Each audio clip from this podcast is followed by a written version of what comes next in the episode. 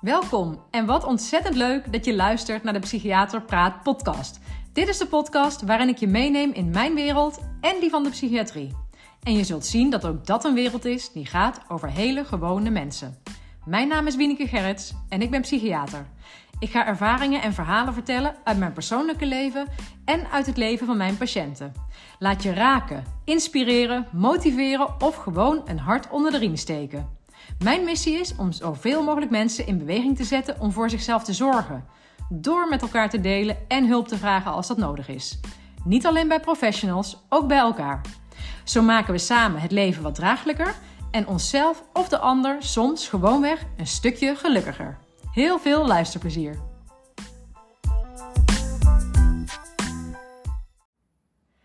Hey, hallo allemaal en welkom bij weer een nieuwe aflevering van mijn podcast. En uh, ja, jij zal ook wel denken, dus toch een aflevering nog voor het einde van het jaar. Ja, het klopt. Um, zo gaat het vaak volgens mij als, als uh, de druk eraf is, als het niet moet. Uh, dan ontstaat er ook mentaal meer ruimte en meer creativiteit. En ja, zo krijg ik ook de afgelopen dagen ingeving na ingeving. En denk ik, oh, hier wil ik wat over vertellen, daar wil ik wat over vertellen. Um, dus ik dacht, ja, ik, uh, ik ga in ieder geval deze aflevering opnemen. Uh, het is uh, emotieregulatie 2 geworden. Ik heb een tijdje geleden um, een aflevering opgenomen over emotieregulatie. Echt de moeite waard om te luisteren. Ik heb veel reacties gekregen van mensen dat ze daar veel aan hadden. Een beetje een kapstok voor hoe dat nou zit met emoties en hoe je daarmee om kunt gaan. En ehm, nou ja, gehoord dat het best inzichtelijk werkte daarna luisteren. En, uh, en dat de uitleg helder was. Dus nou ja, mocht je dat nog niet beluisterd hebben, dan um, zou ik zeggen, nou, als je geïnteresseerd bent, doe dat nog. En waarom ik vandaag een nummer 2 eraan vastplak, is omdat ik eigenlijk in een traject waarin ik met iemand bezig ben, aan het werk ben, ja, hier gewoon een heel mooi voorbeeld van voorbij kwam. En ja, jullie weten, ik probeer altijd zoveel mogelijk aan de hand van ja, levensechte situaties, uh, voorbeelden uit mijn werk of uit mijn persoonlijke leven, uh, ja, de thema's en de onderwerpen te verduidelijken en uit te leggen. Dus ja, ik dacht, ik vind het gewoon zonde om dit niet te benoemen. Um, het, ja, het is een voorbeeld. Ik, ik, het zou misschien wel eens een kortere aflevering kunnen worden, want het is eigenlijk heel eenvoudig. Maar wie weet, we gaan het zien. Misschien komt er weer van alles in me op dat ik er nog meer omheen vertel. Uh, maar ik ben aan het werk. Um, het is een coachingstraject en dat doe ik uh, één op één met een man um, die bij mij is gekomen omdat hij um, ja, eigenlijk last had. Uh, hij, kwam vanuit een burn-out. Hij, hij was in loondienst, maar was al een, een wat langere periode, meerdere maanden, niet aan het werk. Er was een grote, ik ga niet te veel details benoemen.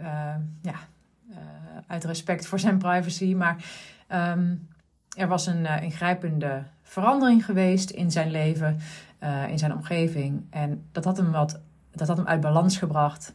En daardoor was hij al maanden niet aan het werk. Dat was eigenlijk de reden dat hij bij mij kwam. Hij wilde eigenlijk graag reïntegreren, maar hij voelde zich nog heel snel overbelast. Um, had veel last van herinneringen aan het verleden.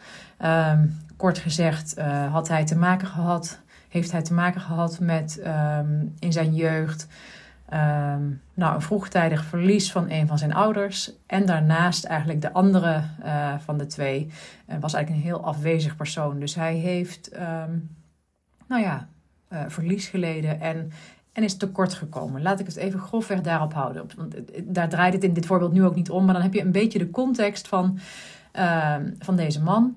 Um, eigenlijk is hij, uh, want hij is nu gewoon volwassen met een eigen gezin. Um, hij functioneerde eigenlijk uh, ja, heel gemiddeld. Hij draaide mee in de maatschappij. Uh, had dus een baan, had een gezin, had een sociaal netwerk. Dus eigenlijk heel veel dingen gingen erg goed. maar door zo'n trigger, doordat er dus in het nu of in het recente verleden een ingrijpende verandering was, maakte dat veel los bij hem en raakte hij echt even uit het lood. En waar hij nou tegenaan liep, was eigenlijk dat hij continu hoog in zijn emoties zat. Dat is misschien, een beetje, misschien ook een beetje vakjargon om het zo uit te spreken, hoog in je emoties zitten. Ik weet niet of dat uh, vertrouwd klinkt voor jou, maar wat ik daarmee bedoel is dat je eigenlijk steeds gewoon uh, redelijk intense emoties hebt. Uh, niet helemaal constant over de dag, maar eigenlijk iedere dag wel. um, waren een beetje verschillende types, verschillende kleuren emoties, zeg maar. Maar het was onder andere angst, frustratie en boosheid. en daaronder zat ook wel veel pijn, veel verdriet. Um, en toen wij de voortgang evalueerden, want nou, dat vind ik sowieso altijd heel belangrijk om samen te kijken hè, bij aanvang van hey, waar wil je aan werken? Wat is het waar je tegenaan loopt? Of soms moeten we daar samen een beetje onderzoek naar verrichten. Hè, van waar moeten we aan gaan werken? Um, bij hem waren we een tijdje op pad en toen we dat evalueerden, toen kwamen we eigenlijk erop van ja, toch het, het hanteren, het kun, ja, eigenlijk het letterlijk kunnen reguleren van de emoties die voorbij komen, dat is zijn uitdaging. Dat is waar hij um, ja, meer grip op wil krijgen eigenlijk. Omdat hij nog steeds, ook al is hij, voelt hij zelf ook wel van nou, het gaat steeds beter met me. En waar hij last van heeft, is dat emoties hem gewoon echt flink kunnen overvallen. En dat hij uh, het zo ervaart van. Uh, op zich voelt hij wel dat het opbouwt, maar dat er dan een punt komt dat, het, ja, dat zijn, uh, zijn stress ook zo uh, heftig wordt. Ja, dat het even.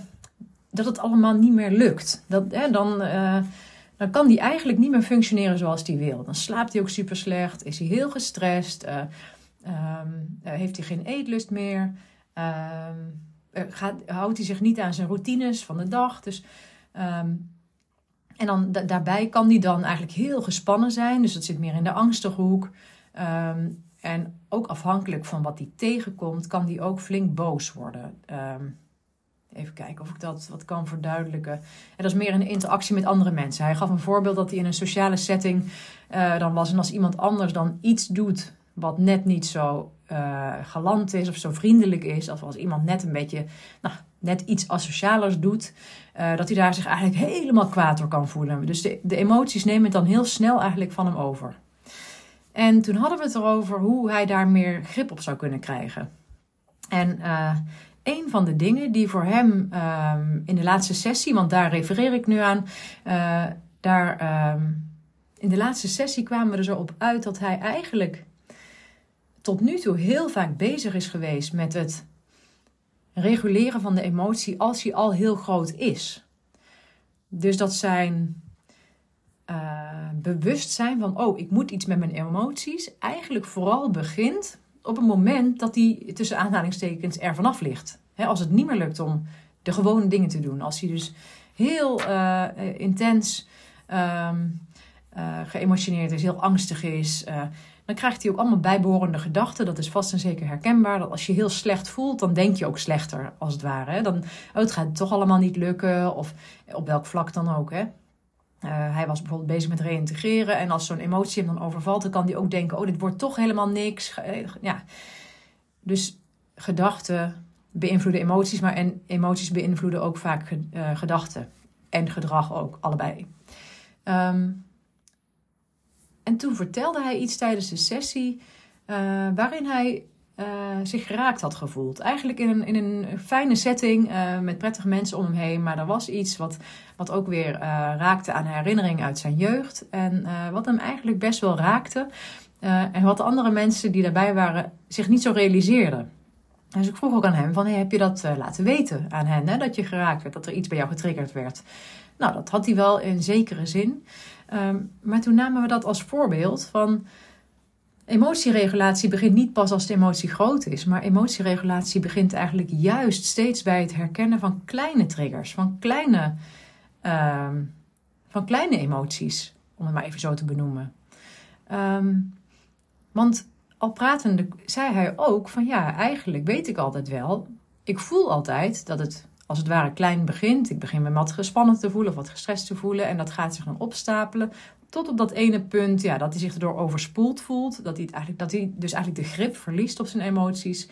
En dat hij dan in paniek is van, oh help, wat moet ik nu? En um, toen we uh, het erover hadden en zeiden van, ja, wat nou als je eigenlijk juist bij dat beginnende punt, hè, bij dat begin van een beetje spanning voelen of ergens door geraakt worden of een emotie die, uh, die je als eerste herkent, als je daar nou begint en gaat kijken wat je daarmee kunt doen, dan zou het wel eens kunnen zijn dat je dat beloop, dat oplopen van die emoties, uh, ja, eigenlijk kunt uh, voorkomen. Dan kun je misschien wel zorgen dat je naar een kleine, uh, na een klein beetje oplopen van spanning, ik noem maar even in zijn algemeenheid dan spanning, zeg maar, met de emotie, die kun je misschien dan wel, als je er aandacht voor hebt, meteen wat laten zakken, zodat er helemaal niet zo'n berg komt, zodat er helemaal niet het steeds maar oploopt tot het punt waar je niet meer weet wat je moet doen. En, ehm, want, uh, en toen namen we dat als voorbeeld. Hè, want stel nou je bent in gezelschap en je voelt dat je ergens door geraakt wordt en de rest heeft het eigenlijk niet in de gaten.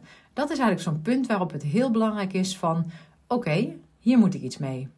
En dat mag je in de situatie zelf doen. Hè. Hij kon dat als hij wilde, uh, dat met hen bespreken. Maar we verzonnen ook nog wat andere uh, opties die hij zou kunnen toepassen. bijvoorbeeld om het later, als hij thuis zou zijn, samen met zijn vrouw eens te bespreken en aan haar zijn emoties te uiten. Of bijvoorbeeld het gewoon in zichzelf te doen. Hè? Dus door bijvoorbeeld een, een wandeling te maken, waardoor hij weer eventjes zelf met aandacht terug kan gaan naar dat moment van die dag uh, waarin hij geraakt werd. En daar gewoon eens bij stil te staan. Om te voelen van, ja, wat was nou eigenlijk het gevoel? Um, en, en wat was precies de trigger? Waar werd ik eigenlijk in geraakt? Om het ook een beetje te gaan begrijpen. Want um, toen, uh, toen ik de andere aflevering opnam over emotieregulatie, heb ik ook verteld hè, van op zich, het begint eigenlijk bij um, emotieherkenning. En je moet überhaupt herkennen dat het er is. Anders kun je ook niet gaan reguleren, zeg maar. Dus je moet het natuurlijk herkennen. Nou, dat, dat kon hij eigenlijk best wel goed. Uh, en dan vervolgens is het, je moet het eigenlijk gaan ervaren. Je moet het echt letterlijk gaan voelen. Hij kon ook aanwijzen in zijn lichaam waar die emotie voelbaar was. Dat is trouwens ook een hele, uh, voor veel mensen een hele bruikbare tip van als je een emotie voelt, ga eens, um, ja, desnoods met je ogen dicht, maar ga eens voelen waar je, je in, dat in je lichaam je dat voelt. En uh, als je dit nog nooit gedaan hebt, dan, dan nodig ik je uit om het te doen. Want je zult je misschien verbazen in uh, hoe, hoe specifiek je soms kunt zeggen: ja, daar zit het. En um, dat hoef je niet te doen. Ik bedoel, het is verder niet verklarend of zo. Ik hang daar niet verder iets heel specifieks aan op. Maar, en dat bespraken we, ik ook met hem.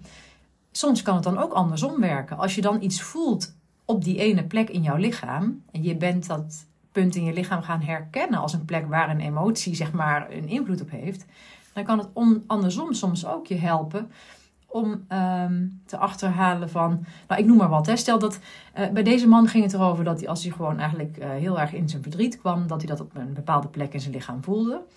En dat hij dus als hij op die plek in zijn lichaam dat gevoel ging krijgen, dat hij ook zich kon bedenken, oh wacht even, blijkbaar word ik geraakt in verdriet. Of hè, mogelijk word ik geraakt in verdriet. En dat je dan, want soms heb je daar natuurlijk niet meteen erg in. Je bent niet daar de hele tijd mee bezig. Soms raak je geëmotioneerd eigenlijk zonder dat je daar bewuste aandacht voor hebt. En dan kun je via je lichaam erachter komen van, oh ja, dit voelt eigenlijk verdrietig. Hmm, waar zou dat te maken mee kunnen hebben? En dan kom je misschien wel uit bij een gesprek wat je hebt gevoerd. Of iets wat je op televisie hebt gezien. Of kan van alles zijn. Dus... Um, Emotieregulatie gaat om het ervaren. Dus ga het voelen, uh, uh, ga je emotie toelaten, ga, laat hem stromen en gebruik daar eventueel dus ook je lichaam bij. Van hé, hey, waar voel ik het? En dan gaat het over verdragen. Dus ren er niet voor weg, uh, laat het er zijn. En als je dat bijvoorbeeld ongemakkelijk vindt of beangstigend vindt om dat alleen te doen, doe het dan waar iemand bij is. sommige mensen vinden het juist makkelijker of fijner om dat even wel alleen te doen. Dus zoek die setting op die voor jou helpt. Ga het verdragen en uit het. En dat uiten mag ook alleen of mag richting iemand anders. dat voorbeeld wat ik zei van nou, bespreek het s'avonds met je vrouw. Dat is zo'n manier om het ook te uiten, hardop. Uh, en tegelijkertijd uh, in een setting waarbij je ook denkt van nou, zij kan mij helpen dragen. En zij kan me ook steunen. En um, nou, voor hem was dit dus heel, um, ja, een, een soort uh, inzichtelijk. omdat hij zei, dus echt zei van ja, ik begin eigenlijk altijd pas als het te laat is. Maar als ik dit ga doen, dan kan ik het misschien wel eens eerder ombuigen.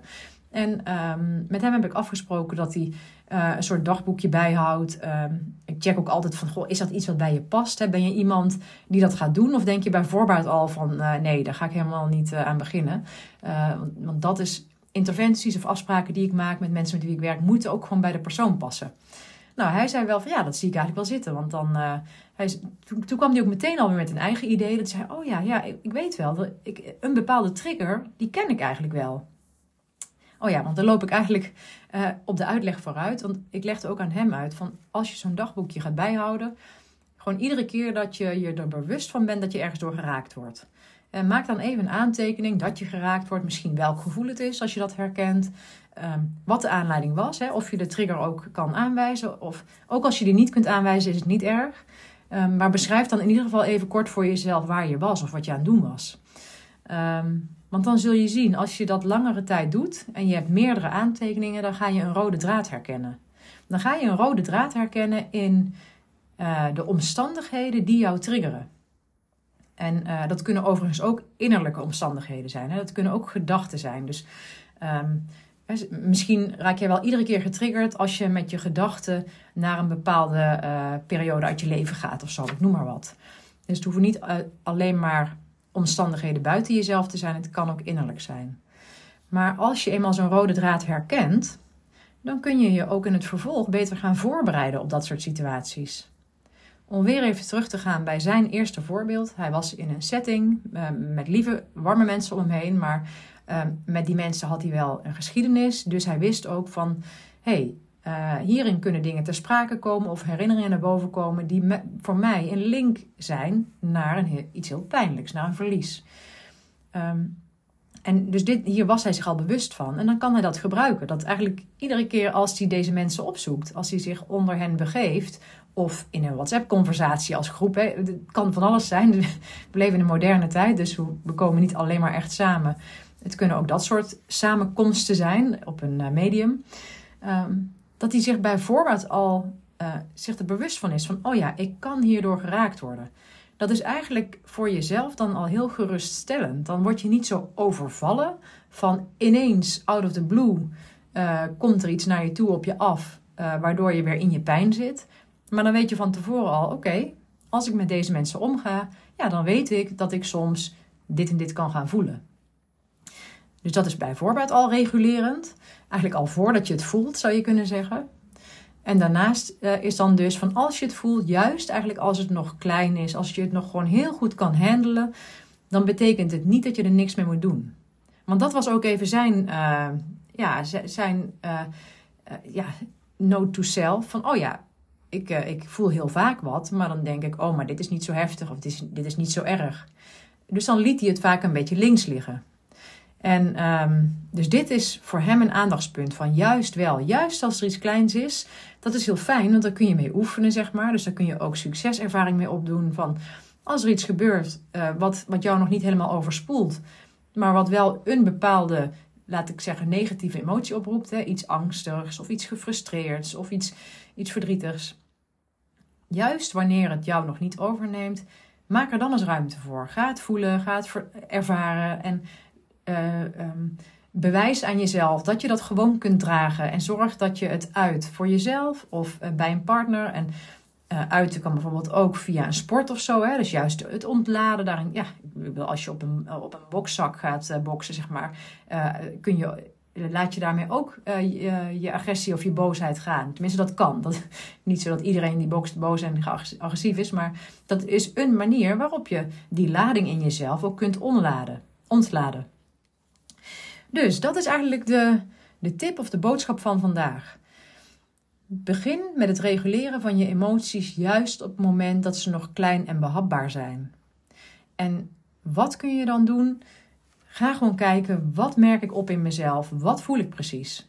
Kan ik er een, uh, een van de, uh, de type emoties aan vastkoppelen? Of is het diffuus? Is het gewoon juist ongemak, uh, gejaagdheid? ja, gewoon een soort eh, dat je ja, gewoon, eh, ja, hoe moet ik het nou zeggen, onaangenaam voelt. Je hoeft het niet per se te kunnen duiden. Maak het zo specifiek als mogelijk. Um, maar als je er niet uitkomt, zeg maar, dat is dus niet per se relevant. Geef het de naam die bij jou in jou opkomt. Dus ga kijken, wat voel ik nu eigenlijk? En probeer eens te kijken van, um, oké, wat is de situatie? Wordt het, het gevoel opgeroepen terwijl je een of andere romantische film zit te kijken? Uh, of wanneer je op je werk bent. Uh, nou ja, alles is mogelijk. Maar, um, en als jij ook iemand bent die zegt van... hé, hey, ja, ik word soms gewoon heel erg overvallen door grote emoties... dan zou het je wel eens kunnen helpen om dit eens te gaan bijhouden. Juist in kleinere... Uh, in de kleine situaties. Want meestal is het zo dat een emotie niet bam van, de van het ene op het andere moment van 0 naar 100 schiet dat kan, hè, dat, dat, dat kan, het bestaat wel. Maar heel vaak bouwt het zich op. En heeft het ook helemaal niets met elkaar te maken. Dat kan ook. Hè? Het ene moment ben je ergens en raak, word je in iets kleins geraakt. Inderdaad op je werk, omdat je het gevoel hebt van hé, hey, ik word helemaal niet op waarde geschat. Het andere moment uh, je op het schoolplein je kinderen op te halen en wordt je kind boos omdat hij niet uh, mag afspreken met een vriendje of zo. En denk je, hé, hey, dat heb ik helemaal niet verdiend. Of ik noem maar gewoon even links en rechts wat voorbeelden. Er kunnen allerlei hele verschillende dingen zijn die toch een, iets bij jou triggeren, iets raken wat, wat voor jou niet leuk is. En die samen kunnen er uiteindelijk voor zorgen dat je bijvoorbeeld s'avonds een, een daverend conflict met je partner hebt, omdat je een oneenigheid hebt. En misschien is het wel zo dat als jij eerder wat zou hebben gedaan met die, met die momenten op je werk of op het schoolplein, uh, dat het misschien dan in de avond dat je nog niet zo hoog in je spanning zit en dat je dat gesprek wat er was of dat, dat voorval wat er was met je partner misschien op een hele andere manier zou kunnen kanaliseren. Dat is uiteindelijk ja, waarvoor je dit wil. Daarvoor wil je ook de kleinere stapjes, de kleinere emoties of de minder intense emoties. Daarom wil je die ook reguleren. Nou, dit was hem. Ik ga hem ook gewoon afsluiten. Dit was een. Uh, ja, dit is een voorbeeld van zo'n aflevering waarvan ik dacht van, nou, die, die popt in me op. En was ook echt helemaal uh, precies, ja, ik, ik heb die sessie gehad. En ik denk, ja, hier, ik weet zeker dat hier meer mensen iets aan kunnen hebben. Um, dus hier is hij. Um, ik ga dus geen garanties uh, geven over of dit nou wel of niet de laatste is van het jaar. Uh, dat laat ik gewoon nog eventjes uh, in ongewis. Of laat jullie in ongewis, in mezelf in ongewis. Um, mochten, mochten jullie mij niet meer horen, dan wens ik jullie een heel erg fijne jaarwisseling. sowieso bijvoorbeeld al een heel goed 2024 gewenst. En ik zie jullie heel graag terug, sowieso in het nieuwe jaar. Tot de volgende.